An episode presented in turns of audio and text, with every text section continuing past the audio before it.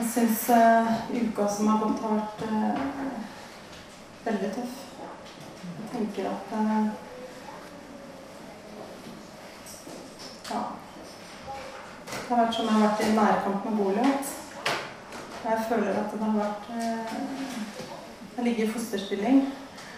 Og det er akkurat som det har vært så kaos på innsida at det er vanskelig å høre Guds stemme og vanskelig å liksom samle om hva jeg skal si her i dag. Um, men nå står jeg her med mange løse tråder. Så får Den hellige ånd hjelpe meg og få sagt det som er viktig å få si. Så for å bli som det blir. Um, det er litt sånn småtypisk for det jeg egentlig hadde tenkt å si, som jeg kanskje kommer til å si. Det handler om Jeg tenkte forrige gang jeg preka, så så snakka jeg om eh, kjennskapet til Kristus som hjorten. Og snakka om litt den prosessen fram til å komme ned hit, og hvordan jeg har trengt den tryggheten i å vite at det her er veien. Eh, men eh, samtidig som det så har jeg hatt en veldig forventning inni meg hele veien. Jeg syns dette er superspennende. Og det er egentlig den sida jeg har lyst til å snakke om i dag så kjenner jeg at da eh, Det er typisk det. Når eh, med en gang jeg begynner å åpne opp for drømmer og prøver å få tak i hva Gud, Gud eh, har for oss her, så kjenner jeg også at det er en parallell motstand, vil jeg si. Eh, det er mange spørsmål og tanker som surrer rundt i huet på meg for tida. Eh, hvorfor vil du ha det slik, Gud? Hva er det du drømmer om her? Hva er det du har sett for deg? Ehm, hva er det vi egentlig er med på? Og hvordan kan jeg bidra til det hele? Det er et spørsmål som, som jeg tenker mye på. Og jeg hadde lyst til å, hvis jeg skal kalle dagens preken for en overskrift, så skulle det vært 'Working on a Dream'. Og det kommer egentlig fra eh, Bruce Springsteen. Han, eh, for ti år siden så var han 60 år, og da ga han ut et album som heter 'Working on a Dream'. Og jeg har lest noen, altså den ene teksten der eh, med tittelsporet. Veldig kult. Han er 60 år og bare har så mye han vil videre, som han ønsker å oppnå. Og han kaller liksom hele den prosessen han er i, 'working on a dream'. Og det syns jeg er veldig inspirerende. Så jeg syns det var en fin overskrift. Um, I vår så meldte jeg meg på et uh, skrivekurs online. Jeg tenkte, jeg syns det er veldig gøy å skrive, og tenkte det skal jeg gjøre.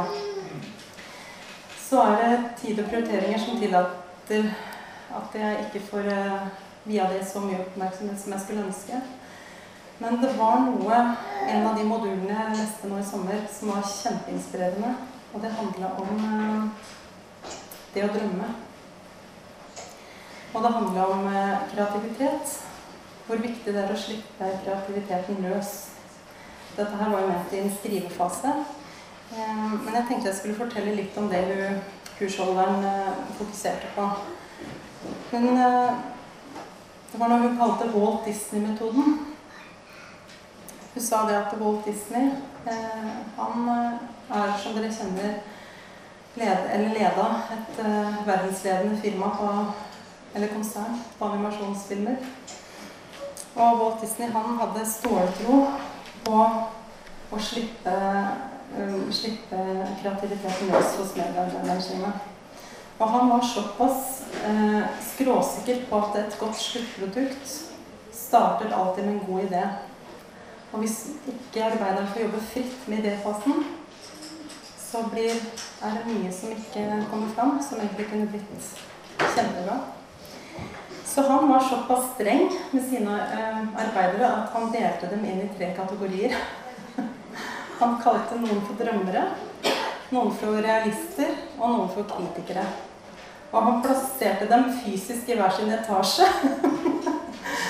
Eh, drømmerne satt øverst. Hadde du realisten i midten og kritikerne i bunnetasjen.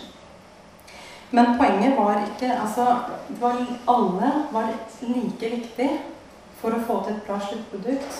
Men han sa ingen av realistene eller kritikerne får lov til å gå opp i tredje etasje noen gang. Der skal drømmerne sitte og jobbe helt uforstyrra. Uten innspill fra noen. Vi skal bare få lov til å jobbe med figurer, ideer, historier, farger, whatever som kommer opp. Som man har lyst til å gjøre, og som ligger liksom er en, en slags eh, ting man har lyst til å gjøre. Um, og for å få et poeng fra da, så eh, sa hun kursholderen det at eh, eh, når man skriver, så er det ofte sånn at man har en realist her og en kritiker der. Så med en gang du har en idé eller begynner å skrive, så kommer den inn fra den ene eller andre kanten og forstyrrer deg. Hun sa det at eh, drømmerne, ja, de jobber med ideene. Og så har du realistene kjempeviktig i neste fase. For da kommer alt dette lage en rød tråd, lage rammene inn. Og så til slutt er det kritikerne som skal spisse det hele. Komme inn med et sånt analyserende blikk og ta bort, legge til, for at sluttproduktet skal bli perfekt. Men hun sa det at eh, som skribenter eller i andre kreative prosesser så har vi altfor lett for å kvele drømmene. Altfor fort. Eh, og jeg har tenkt egentlig, når jeg leste dette her, så følte jeg ja, men det er jo er ikke sånn det fort er i kristelig nivå. Eller når vi skal inn i noe nytt, så har vi eh, begynner å røre seg, i hvert fall gjør det meg, da. Begynner å røre seg masse drømmer, og drømmer jeg kanskje har hatt allerede som barn. Eh, på hvordan jeg ser for meg å være med på det Gud gjør her i byen vår. Og så har vi vært gjennom en lang ørken. Og så kommer vi hit. Og så plutselig så vekkes noe til liv igjen. Og kanskje nye drømmer også kommer til. Og jeg tenker at i den fasen vi er nå, så tror jeg det er viktig at vi tør å drømme. At vi tør å kjenne på de ideene som kommer opp. Og de uh, impulsene vi har. Ikke tenke at nei, det er sikkert ikke Gud, eller det er bare slik det er bare noe jeg Ikke sant? At vi ikke begynner med det for fort. At vi lar oss, tillater oss å jobbe litt uforstyrra i den drømmeetasjen òg. For å få tak i hva er det som Gud vil med dette stedet. Hvorfor er det her? Hva er det Gud har Hva er det han ser for seg? Hva er det egentlig egentlig er med på? Ehm, det var det ene poenget. Ehm, så tenker jeg Jeg husker et av de sterkeste vitnesbyrdene jeg har hørt, som fortsatt jobber veldig i meg, det er Joyce Meyer. Dere veit kanskje hvem hun er? En amerikansk forkynner og forfatter. Um, hun nærmer seg 80 år nå. Men hun forteller om hennes vitnesbyrd. Hun hadde en utrolig dårlig start på livet. Hun uh, ble misbrukt av sin pappa helt fra til hun nesten var voksen. Og hun var underkua Um, og da hun var ni år gammel, så sier hun til Gud Gud, hvis du fins, så må du ta meg ut av dette hjemmet her. Jeg orker ikke mer. Hun var ni år. Likevel så gikk det nesten ti år til før misbruket stoppa. Og da ble jeg konfrontert med spørsmål fra andre. Hva var det som gjorde at du holdt ut? Og da sier jeg det var en én setning eller én impuls inni meg som holdt meg gående gjennom det hele. Jeg følte at Gud hadde lagt ned et seed of greatness, et frø av storhet i meg, som jeg holdt fast på gjennom alt. Jeg tenkte inni meg at hvis dette er Gud, da, da er det verdt å leve. Da er det verdt å leve for det som kommer etterpå. Og jeg tror at Gud har lagt ned et seed of greatness i alle sammen. Alle vi som sitter her.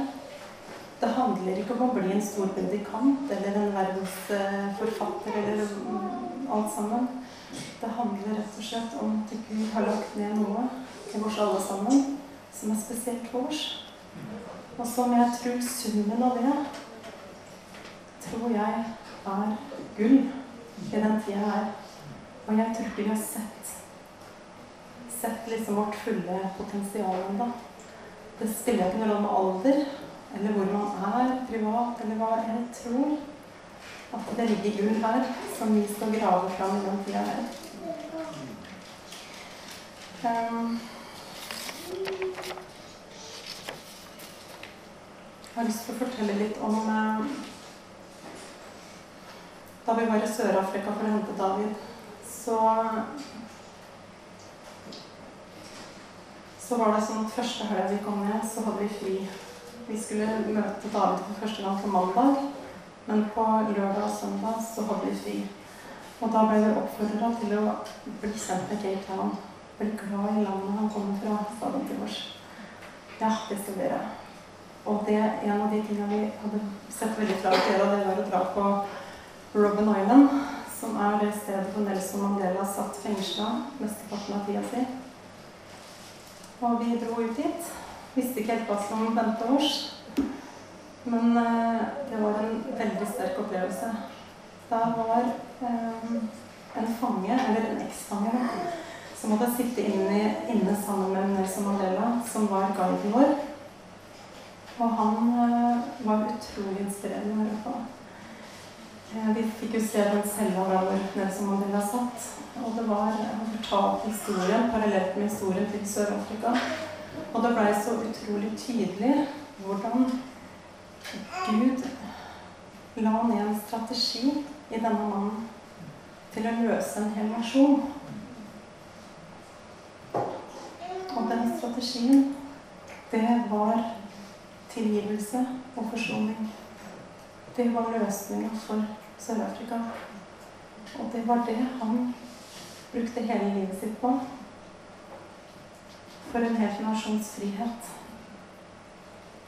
Jeg tenker Når han eh, guiden vår fortalte, så var han dypt inspirert av dette sjøl. Det var, det var helt, alle var helt musestille. Vi bare, du må snakke mer. Du må, du må, liksom, han bare omtrent forkynte tilgivelse og forsoning på en måte jeg aldri har hørt før. Det var tydelig at det er løsningen for Sør-Afrika, på en måte. Eh, for apartheid-greiene. Jeg tenker apartheid og rasisme det kan ikke være det er ikke, det er ikke noe som er lenger unna sannheten fra Gud om verdien av oss mennesker. Det er ikke sånn at Gud har skapt noen mer verdifull enn andre. Det er en stor løgn som har fått et sånn stronghold festningsverk i Sør-Afrika, i Amerika, som vi ser. Det lever i beste velgående. Men noe snudde med Nelson Mandela. Det var noe som ble bedre fordi han fulgte den strategien og den, den inspirasjonen han hadde inni seg for en hel nasjon. Jeg har også lyst til å fortelle om Martin Luther King. Fordi han opplevde mye av det samme i sitt hjemland. Og han, eh, da han skulle holde sin berømte tale, så eh, Mahaila Jackson hun var med på dette her og sang og sånn eh, samtidig som han skulle tale. Og eh, Martin Luther King hadde forberedt seg. Han hadde alt skriftlig, alt ferdig. Og han begynte så vidt på talen sin. Så roper Manuela Jackson bak Da! Da fortell dem om drømmen! You have to tell about the dream! sier hun. Og og han tar en liten pause, ser ned på papirene sine. Og løfter og så sier han I have a dream. Og det ble verdens mest inspirerende tale den dagen i dag. Han inspirerte ikke bare en hel nasjon, han inspirerte langt over det. Og jeg tenker hva var hans strategi? Det var ikke vold. Ikke møte disse kreftene med Ikke sant? Det var en annen vei som skulle løse dette. Jeg sa i stad at jeg har vært i nærkamp med Goliat. Jeg tenker at eh, Hva er det Goliat representerer? Det var sånn at Goliat, han eh, var jo en trekjemper. Og han var en trena soldat fra sin ungdom av, står det. Og filisterne de hadde gått i krig mot israelittene før. Det hadde vært mange slag. Og igjen så stilte de seg opp sin fylking og trua Israel. Og Israel gjorde det samme. De stilte opp sin fylking. Og det skulle til å brake løs. Men filisterne de hadde vært i kamp med israelittene før. Israels hær så av utrolig veltrente soldater. Topptrente soldater. Djerve. Og ikke nok med de, de hadde Gud på laget. Men filisterne skjønte derfor at de må ha en, ha en slags plan. Så de sendte Olav, som tvekjemper og sa Her er jeg. Dere må forbi meg. Og hvis jeg vinner tvekampen, da blir dere slaver under vårs. Hvis motstander, altså min motstander vinner, da blir vi slaver under dere. Det var premissene. Jeg tenker at Olav reiser seg når det står om et folks frihet, eller enkeltpersoners frihet. Da kommer Goliat. Med en gang jeg begynner å tenke utafor boksen, følge en inspirasjon jeg tror er fra Gud inni meg, da møter jeg parallelt frykten og disse tinga som sier at eh, Nei, du bare glemme Kristin. Du er sånn og sånn. Sånn og sånn er det med deg. Du kan bare glemme. Det er ikke Det er holdbart.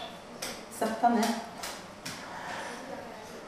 Jeg, jeg tror at uh, i møte med Goliat så hele Israels hær var lamma av frykt. Det står at Saul og alle, hele Israel, var redde. Og ingen turte å utfordre Goliat, naturlig nok. Det ville vært galskap i seg sjøl å møte en tre meter høy mann, eh, trent soldat. Det er klart, sier seg sjøl, at det er grunn til å være redd. Um, men i 40 dager så stilte Goliat seg fram dag, kveld og morgen og sa spotta, spotta Israels Gud, spotta Guds fylking og sa det samme. Hvem er det som tør å utfordre meg? David kom helt tilfeldig inn i alt sammen. Han eh, hadde fått beskjed av faren sin om å gå eh, og besøke brødrene sine, som var eh, soldater. Og se åssen det med dem. Gi dem mat. Og gi et referat til faren han kom hjem, for å se åssen det gikk. Eh, så hørte David da ryktene gikk om hva som foregikk. Og David, hans intuitive innstilling var Hvem er det som våger å spotte vår Gud? Han hadde liksom en helt annen innstilling i det. Han tenkte Hæ? Er det ingen som tør å utfordre? Nei, men da gjør jeg det. Han var jo Han var ganske sånn eh, Han var klar. Eh, så fikk jo Saul høre rykter om David. Og Saul, naturlig nok, så prøver han å snakke David ut fra dette her. Men David sa nei, nei, nei. Jeg har kjempa mot bjørn og løve. Jeg skal nok hamle opp med han også. Jeg går i Herrens navn. Eh, men da ble Saul litt sånn blanda. Ja, hva gjør jeg nå? Skal jeg la ham få gjøre det? Og David fortsetter med sin iherdighet og sier 'Dette vil jeg gjøre'. Og Saul gir etter. Men da sier han 'Da skal du få min rustning. Du skal få mitt sverd. Du skal få det beste i kampen mot Goliat'. Eh, David tar villig på seg. Eh, han var ikke vant til å gå med rustning. I motsetning til sine brødre så hadde ikke David militær bakgrunn. Så når han fikk på seg rustninga, så kjente han at dette ble litt klamt og litt voldsomt. Han skjønte ikke helt hvordan han skulle si sverdet. Han var litt sånn «Eh, hva skal Åssen skal jeg møte Bolak med dette greiene her? Så han fant fram slynga si og gikk i bekken for den på fem steiner. Og så gikk han og møtte Bolak. Jeg tror Vi har jo alle hørt historien mange ganger før. Men jeg tror at noen ganger så vi har ulik bakgrunn. David han var helt anonym. Ikke engang Guds profet så gullet i David før Gud sa det helt konkret. Det er David som er valgt ut. Han eh, ble trena langt fra militærbasen. Han passa på sauer. Han hadde ikke noe annet for hånda enn en enkel slynge og det som steinene som lå ved siden av. Og han lærte å gå nærkamp med løve og bjørn. Det var hans utrustning til å møte, uh, møte Goliat. Det var sånn at det, var, handla ikke bare om Goliat. Det handla om at David skulle inn i noe annet. Han var salva til å være konge for Guds utvalgte folk. Det var større ting som lå foran enn Goliat måtte hamles opp med. Og det var mye som sto på spill. Det handla ikke bare om at hvis man tapte mot Goliat, så mista man sitt eget liv. Da ble hele folket være en trelldom hos filisterne. Det var ganske alvorlig. Men David han var kalt til noe mer. Tenkte jeg at eh, jeg tror det er sånn at eh, Saul hadde sin militærbakgrunn, og han utrustet David så godt han kunne. Han hadde sin strategi for sin hær på hvordan man kunne møte, møte Goliat. Og hans strategi var vi møter ikke Goliat, vi stiller oss opp i ny fylking, og vi går til krig med dem. Det er da vi har best sjanse. Og det var da Goliat, da de stelte seg opp en gang til, rett før, før alt dette med David, at eh, Saul Nei, at uh, Goliat trer fram igjen og var flykter hele Israels hær, sto det. Det var ingen som turte å bli stående. Så det er klart det var en håpløs situasjon. Men Gud hadde utvalgt David. Og han, han måtte gjøre det på en annen måte enn Saul tenkte. Sånn tror jeg det er med både holdt på å si Nelson Mandela alle disse store mennene eh, og predikanter og alt som har eh, De har fått en strategi, et våpen, for den tida som ligger foran. Eh, Gud gjør ting på nye måter. Jeg tror at det som har funka før, funker kanskje ikke nå. Kanskje Gud har noe helt annet. En annen måte å gjøre ting på, rett og slett. Og til det så tror jeg vi vil få den utrustninga vi trenger. Vi er kanskje ikke så kjent med saueflokker og militærtrening, men vi har vært i ørkenen. Vi har måttet hamle opp med slangens gift og skorpionens giftige ja, giftige attakk. Vi har en annen trening. Jeg tror også at vi skal være med på det Gud gjør, på den måten han vil gjøre det.